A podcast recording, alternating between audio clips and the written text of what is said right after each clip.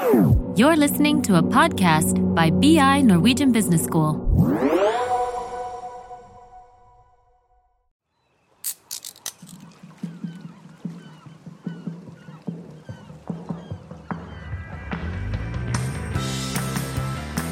I dagens episode av vår podcastserie om bærekraftig finans skal vi konsentrere oss om G-en i ESG, nemlig governance, eller eierstyring som det ofte kalles på norsk. Hvordan kan eierstyring, hvis den utøves riktig, understøtte bærekraftsarbeidet i selskaper? Hvilke fallgruber ligger det her?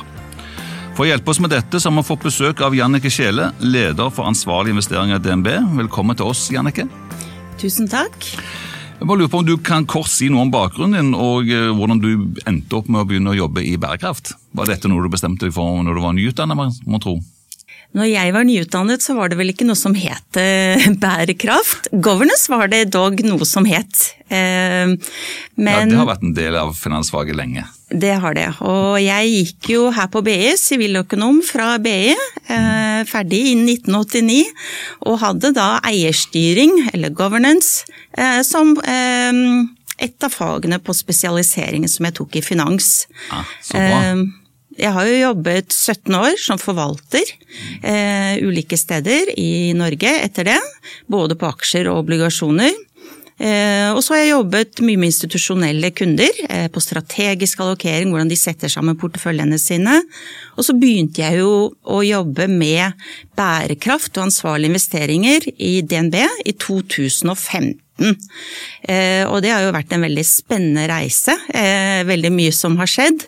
Og noe av bakgrunnen for at jeg gikk over til dette med ansvarlige og bærekraftige investeringer, var jo litt for etter at jeg hadde jobbet mye med investeringer, så så jeg jo det at det man kalte da ikke ikke-finansiell informasjon ikke nødvendigvis eh, lenger var så ikke-finansiell. Det var faktisk en del av disse faktorene vi snakker om innenfor ansvarlige og bærekraftige investeringer som var finansielle, som kunne ha en effekt på selskapenes resultater.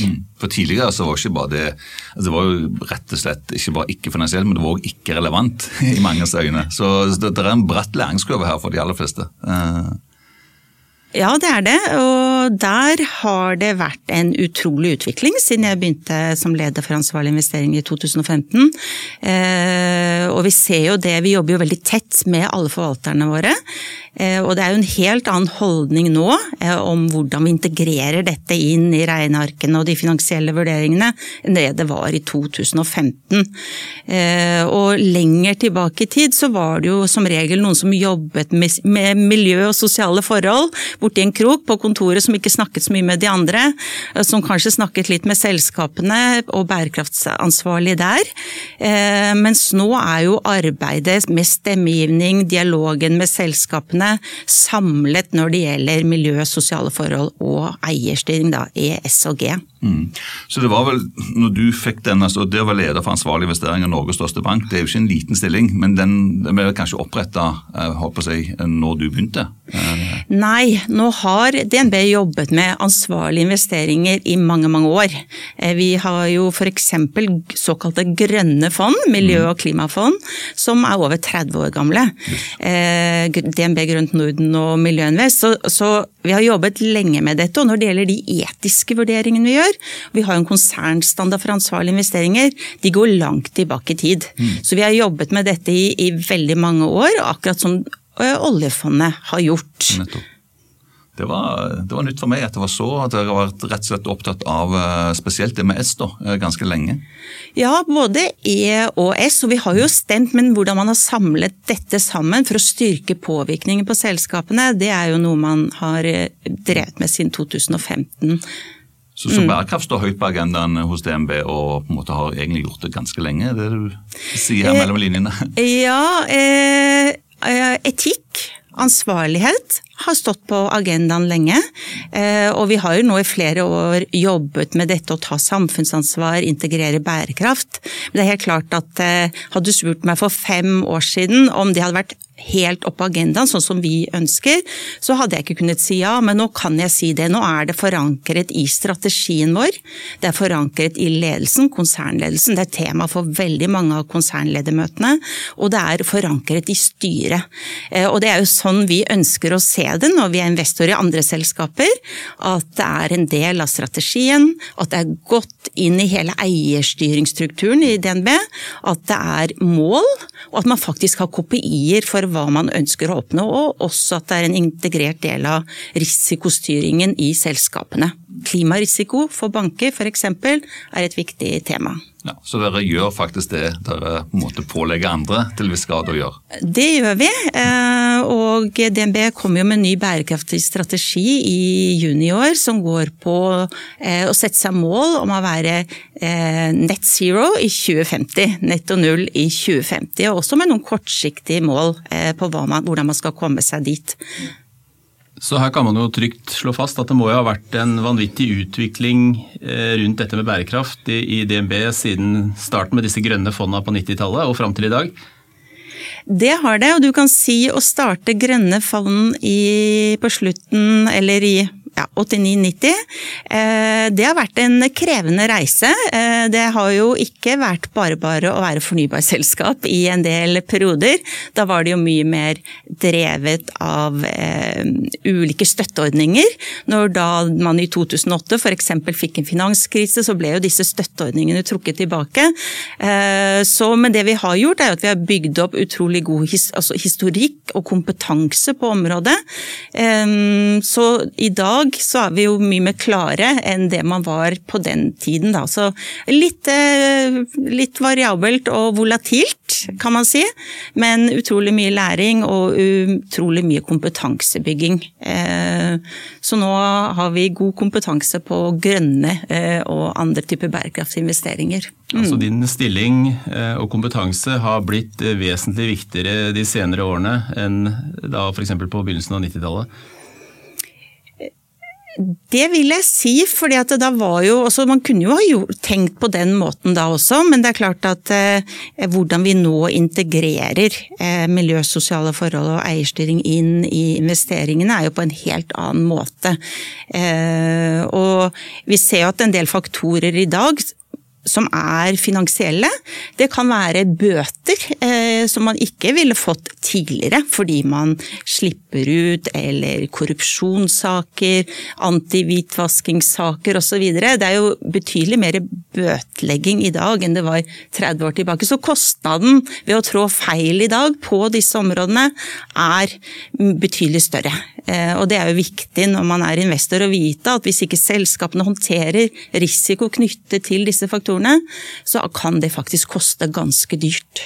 Ja, og Vi har jo sett eh, bl.a. i media at eh, selv om man sikkert prøver å unngå det, så er det jo også lett å trå feil. Vi har jo sett diverse hvitvaskingssaker koblet opp mot banker. og ja, Det er jo ikke alltid lett å egentlig plassere ansvaret heller, men har, har du vært borti noen sånne tilfeller hvor, hvor det har vært vurderinger rundt hvitvasking?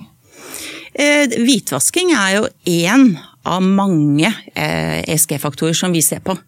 Eh, og det vi gjør er jo at vi avdekker risiko på alle disse faktorene for de ulike selskapene, inkludert hvitvasking for banker.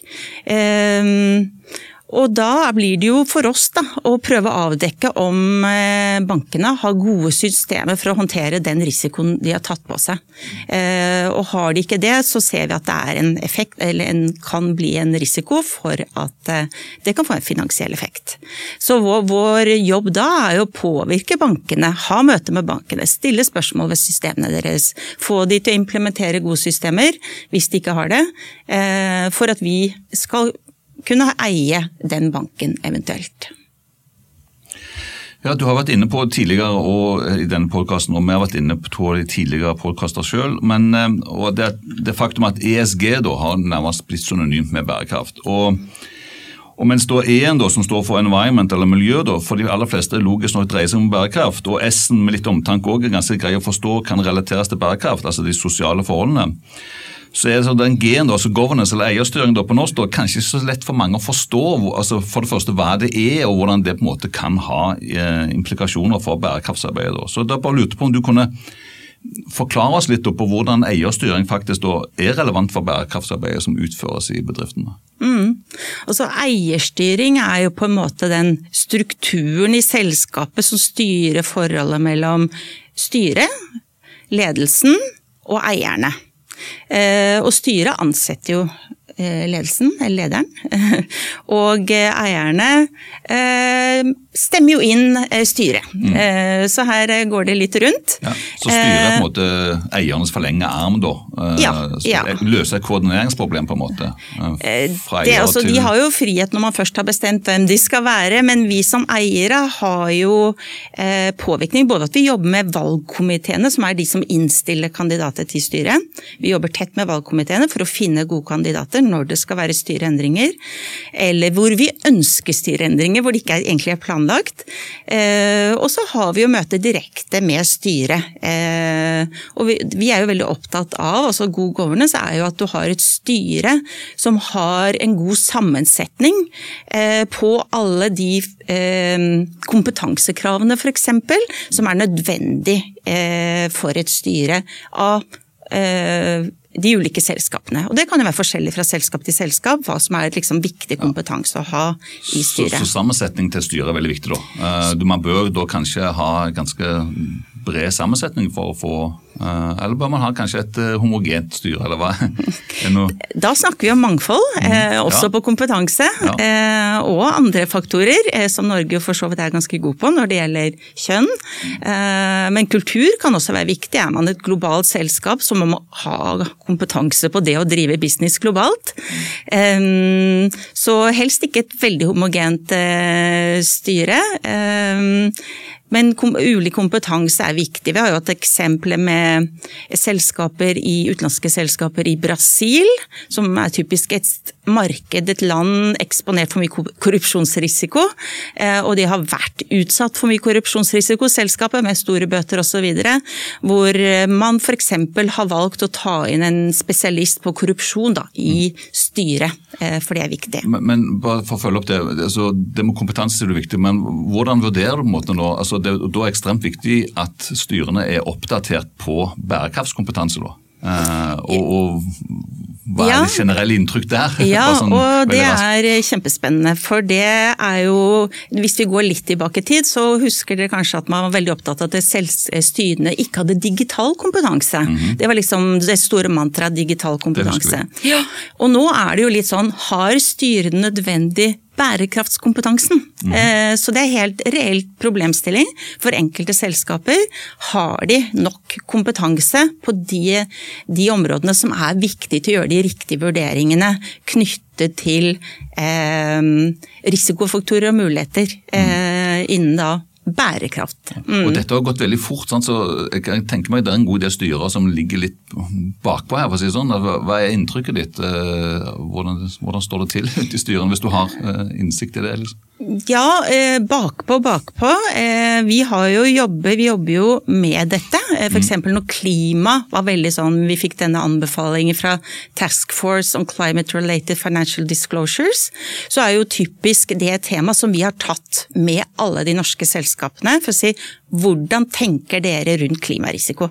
Det arbeidet vi tok for oss alle de største utslipperne på Oslo Børs, hadde møte med ledelsen. Dette var i 2018, hvor vi begynte begynte, og da vi begynte med de største, Equinor f.eks., så var jo de allerede godt i gang. Kom vi lenger ned i listen, så det, hadde de jo ikke begynt å tenke på om klimarisiko kunne være en risikofaktor. Eh, og det Vi gjorde at vi hadde møte med alle med selskapene, og så følger vi opp og ser forbedring. Dette er vi, hva vi forventer at dere gjør. Og Det er jo sånn vi på en måte stiller krav til selskapene, og det krever økt kompetanse fra dem. Og så må jo vi sjekke da, over tid om de eh, gjør dette, om det blir en del av eierstyringsstrukturen deres, om det blir en del av strategien. Eh, de faktorene som vi tenker er vesentlige for dette selskapet. Men hva om de ikke gjør det, da? Hva, hva på en måte riset bak eh, speilet? Hva gjør dere? Riset bak altså For det første så opplever vi når vi kommer dit at de aller fleste Vi er jo godt forberedt, vi har satt oss godt inn i problemstillingene, vi har satt oss godt inn i selskapet. Så vi vet hva som er mulig. Ehm, så god selskapsanalyse og god forberedelse for sånne møter er viktig. Vi opplever vel at de aller fleste selskapene er positive. Ehm, og ofte at de kanskje heller ber om hjelp. Altså hva, hva anbefaler dere at vi gjør? Ehm, så jeg tenker at de aller, aller fleste selskapene eh, beveger seg, kanskje noen litt saktere enn man ønsker. Og da hvis de man har da, som ikke beveger seg, så kan det være f.eks. at vi stemmer ned forslag på generalforsamlinger, kan være en måte. Eller at vi velger rett og slett ikke å være investert i selskapet fordi vi tenker at dette selskapet eh, ikke er rustet for den eh, fremtiden vi skal inn i eh, på dette tidspunktet. Mm. Ja, så, så, der har dere konkrete eksempler. Du behøver selvfølgelig ikke nevne navn, ja. da, men dere har konkrete eksempler hvor dere har eh, f.eks. gått ut av av selskaper? Ja, vi har gått ut, og vi kan også velge oss å være, ha veldig liten eksponering mot selskapet. Eh, litt avhengig av hvordan investeringsmandat Vi har jo veldig mange forskjellige mandater. Mer indeksnære mandater, mer aktive mandater. Eh, så, så, der kan man tilpasse det på ulike måter til de ulike kundemandatene som vi har. Da. Mm. Det, det er en ting jeg lurer veldig på det er at uh, Dette har jo både Kjell og jeg altså Vi har jo alle tre lært dette her. At uh, når det gjelder styring og, og, og ledelsens utøvelse av styringa, så, så, er det jo gjerne da maksimering av uh, aksjonærenes verdier som er hovedmålet. Også gjerne sagt maksimere forventet avkastning gitt risiko. Det er jo kjente ord for oss.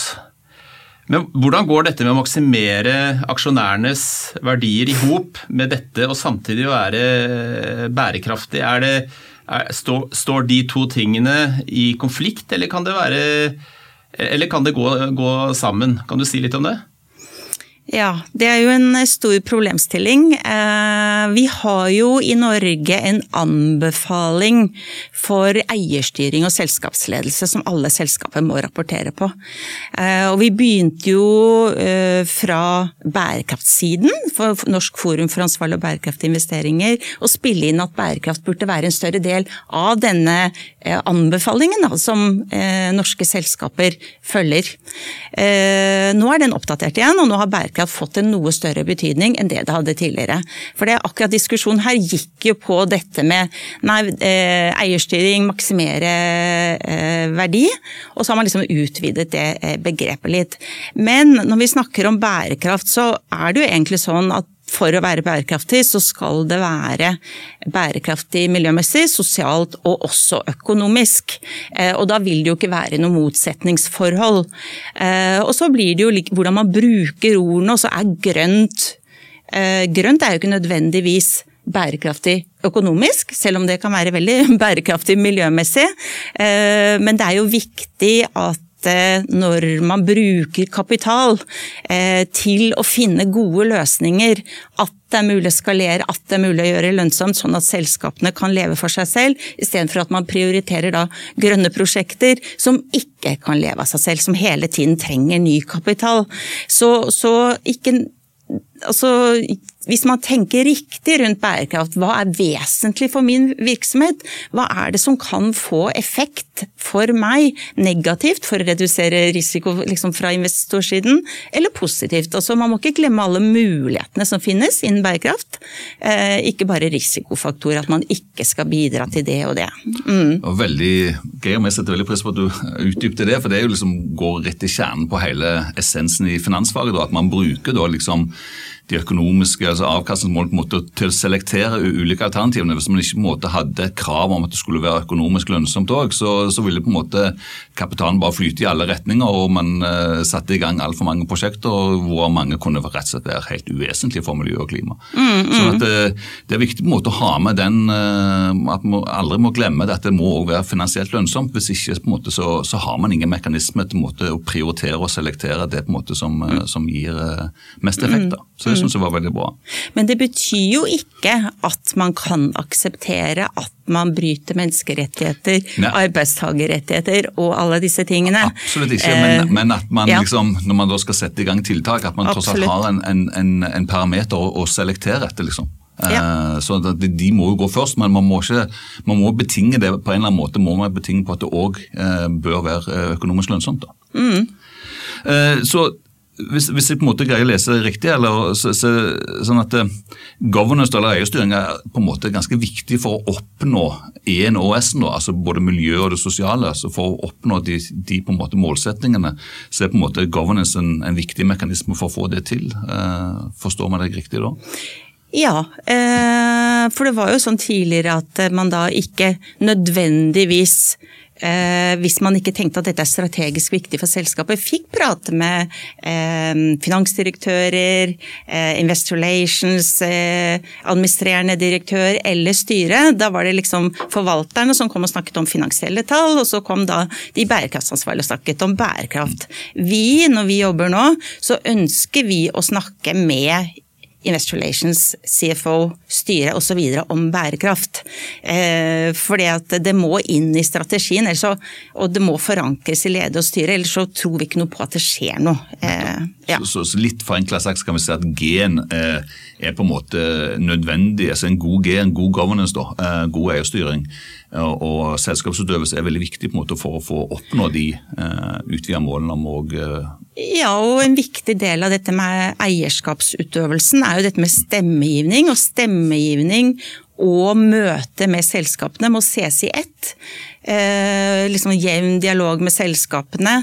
Eh, og det vi ser ikke så mye i Norge, men internasjonalt er jo veldig mange aksjonærforslag som går på eh, miljø, klima, eh, men også sosiale forhold på type lobbying, også arbeidstakerrett rettigheter osv. For vi vet at noen av de store globale selskapene kanskje ikke har vært veldig gode på dette. Eh, så der bruker man jo da generalforsamlingene med aksjonærforslag til å få igjennom resolusjoner på andre EOS-issues. Så fint, altså, Dette er kanskje nytt for noe, men altså, har dere merka en, en økt tendens til at sånne forslag faktisk kommer opp, og er ganske tungt backa av store aksjonærgrupper? Vi har sett en veldig økning i antall eh, aksjonærforslag. Ja. Vi har også sett en veldig endring i hvordan de er utformet. For tidligere var de veldig sånn aktivistisk utformet og gikk liksom veldig langt inn i styringen av selskapet. Og det ønsker vi jo ikke. Vi ønsker jo ikke ta over jobben til styret, vi ønsker ikke å ta over jobben til ledelsen. Vi ønsker å sørge for at vi har en god, godt styre og god ledelse, og som skjønner at disse tingene er viktige. Og da er de jo utformet på en sånn måte nå at, at man kan faktisk støtte de som en finansiell investor, fordi at det er viktige ting for ledelsen å, å ta med seg. Så jeg vil si, eh, og flere som går gjennom eh, i det siste. Men det har vært en veldig veldig endring, for det, de første var av en slik karakter at det ikke var naturlig å støtte de, mens nå er det mye bedre eh, rettet mot hva vi egentlig også går mye på. At selskapet må oppgi å være åpne om målene sine, åpne om hvordan de når de, eh, og hvilke insentivsystemer de har på disse områdene f.eks. Mm. Eh, jeg tenker det er en ganske interessant dynamikk også rundt arbeidet med bærekraft. Fordi at Går vi 30 år tilbake, så var vi jo strengt tatt ikke så opptatt av dette her. Verken mannen i gata eller bedriftene eller ja, egentlig alle interessenter var ikke så opptatt av det. Men i dag så ser vi jo at, at, eh, at dette med bærekraft står jo liksom som en topprioritering, bl.a. blant våre studenter her på BI. Eh, man lærer om det alt fra barnehagen til skolen. Eh, vi har blitt bevisst på at barnearbeid er ikke bra. Likestilling er viktig. Eh, vi er redd for kloden. Eh, CO2-utslipp osv. står høyt på agendaen hos mange av oss. Så på en måte, det er jo også lettere å være bærekraftig i dag. fordi at hvis du ikke er bærekraftig som skoprodusent og bruker barnearbeid til å, til å, lage sko, det er jo noe som fort også kan få store konsekvenser for salget ditt. Og til slutt også kan gjøre at du er out of the business. Kan du si litt om den dynamikken vi har hatt der, altså utviklingen? Ja, men eh, det interessante nå var jo det siste du sa. Nettopp er bærekraft lønnsomt, spurte du om i stad. Og nå sa du at hvis du ikke har treffer konsumenten, så er du ute av business. Det og det viser jo akkurat det at hvis du driver med konsumentrettet atferd og kundene dine er opptatt av det, så må du tenke bærekraft. Enten du vil eller ikke, og det er i tråd med avkastnings... Eh, eller hva du må levere på avkastning. Eh, men det er helt riktig. Det var ikke ikke så mye fokus på det tidligere. Eh, jeg opplevde vel når jeg begynte i 2015 at det var liksom to ting som trigget det mye i markedet, og det var jo FNs bærekraftsmål, 17 bærekraftsmål, eh, fram mot 2030, eh, som ble lansert i 2015, og Parisavtalen.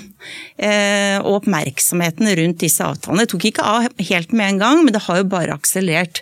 Og EU har jo satt i gang et stort arbeid på bærekraftig finans med ti handlingspunkter, hvorav mange er rettet mot finanssektoren, og hvordan vi skal bidra med privatkapital rundt dette. Og samtidig så jobber jo myndighetene på ulike måter for også å nå bærekraftsmålene og Parisavtalen. Så det er mye her som gjør at fokuset rettes på dette. Eh, når det gjelder forbrukerne, så er jo det på en måte en megatrend. Eh, og veldig mange er opptatt av klima. Det er mye fokus på klima. Kanskje mer fokus på klima enn de andre tingene, som også er veldig viktig, og som også er krevende. For det er ikke sånn at du kan nå alle målene med samme virkemidler, og at du faktisk noen ganger må gjøre noen avveininger. Et typisk eksempel på det er jo de diskusjonene vi har i Norge på vindmøller, ikke sant? som da blir satt opp på steder eh, hvor man ikke ønsker vindmøller, eller hvor det kan være utfordringer for det naturmangfold, som også er en viktig faktor innenfor ES og G. Så det er daglige dilemmaer når du investerer bærekraftig, for, for hva er bærekraft? Og er det sånn at et selskap bare er bærekraftig, eller har de også utfordringer? Eh, typisk eh, Tesla, skulle, hvordan hadde elbilmarkedet vært uten Tesla?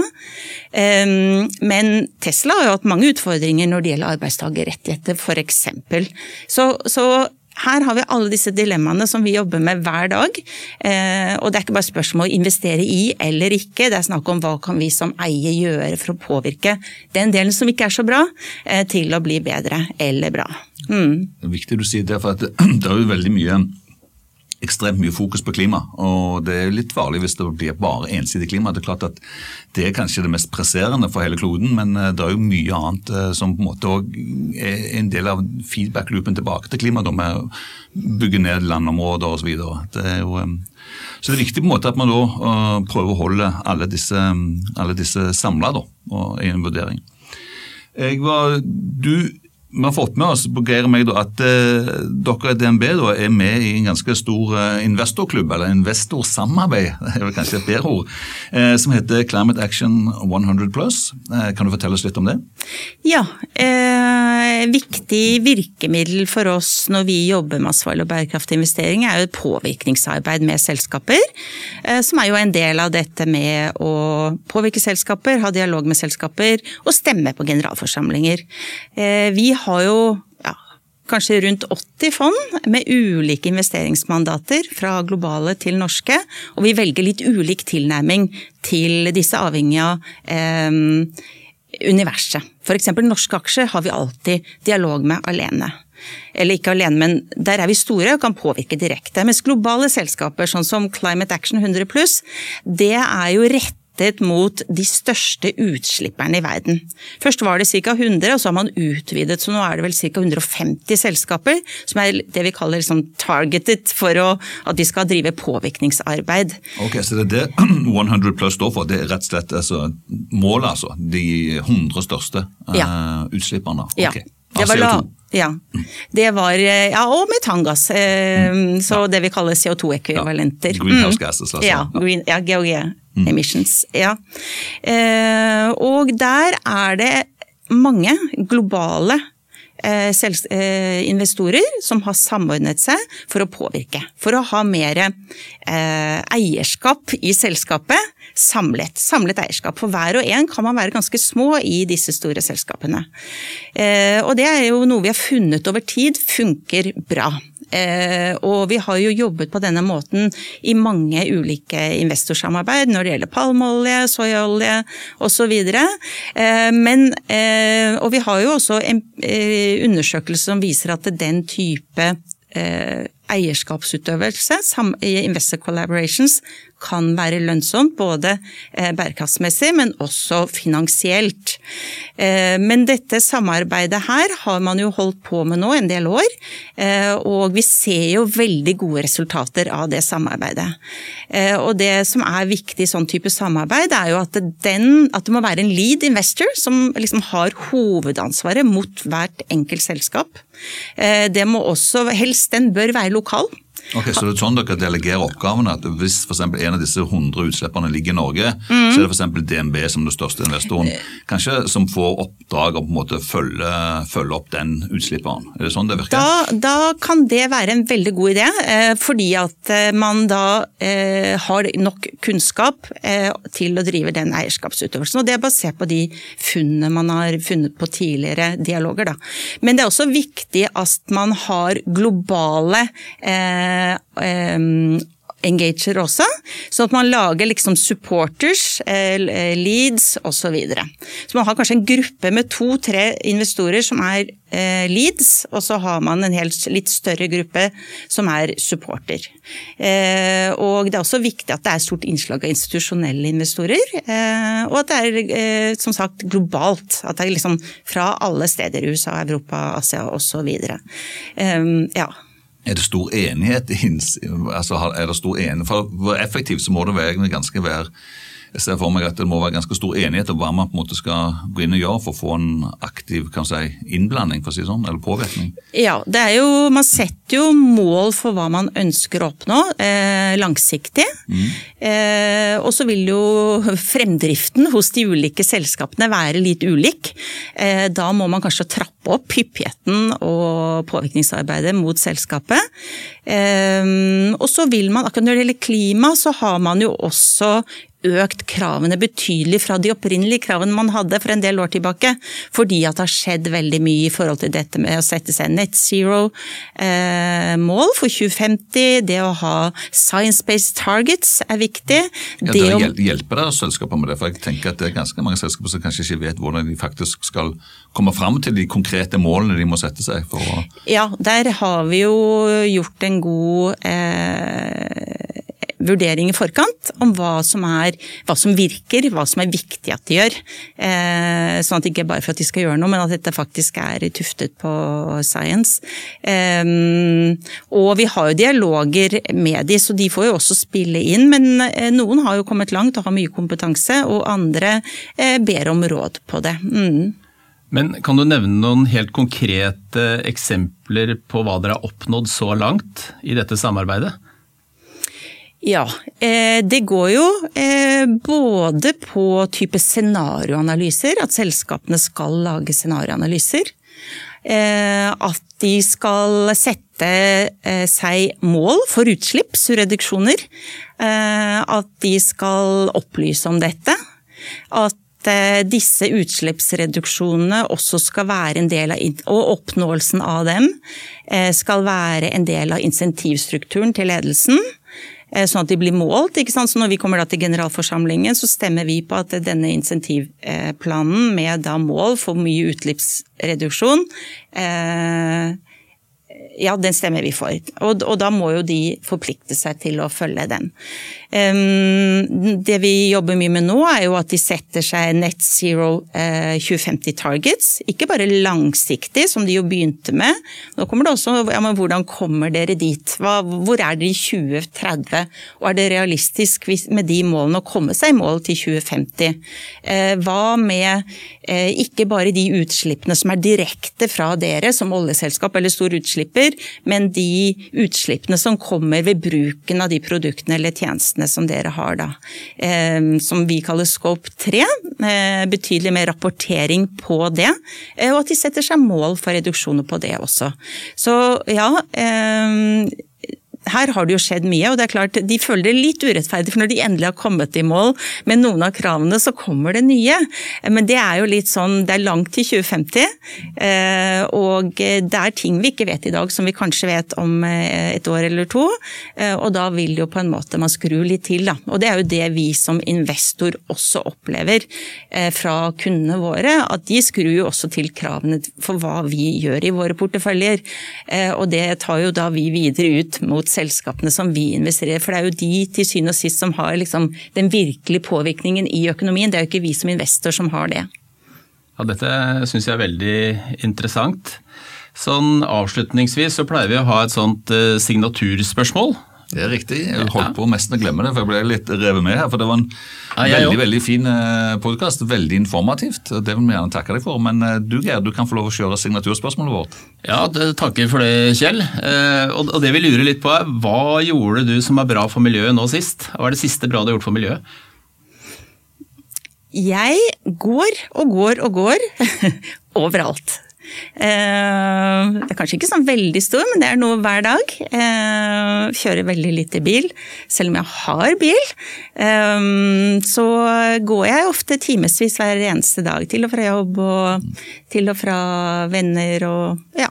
Det er veldig bra. Da tar du et bevisst valg hele tiden på å, være Jeg tror de aller fleste av oss kan vinne veldig mye på å tenke over en eller to ganger før vi tar bilen, altså. Selv om det er elbil, så, så bruker det noen ressurser. Så det var bra. Pluss at du på en måte da bidrar til folkehelsen med å ta et solidarisk ansvar for å holde deg i god form. Ikke minst. Ikke minst. Takk for det, Jannicke. Jo, takk.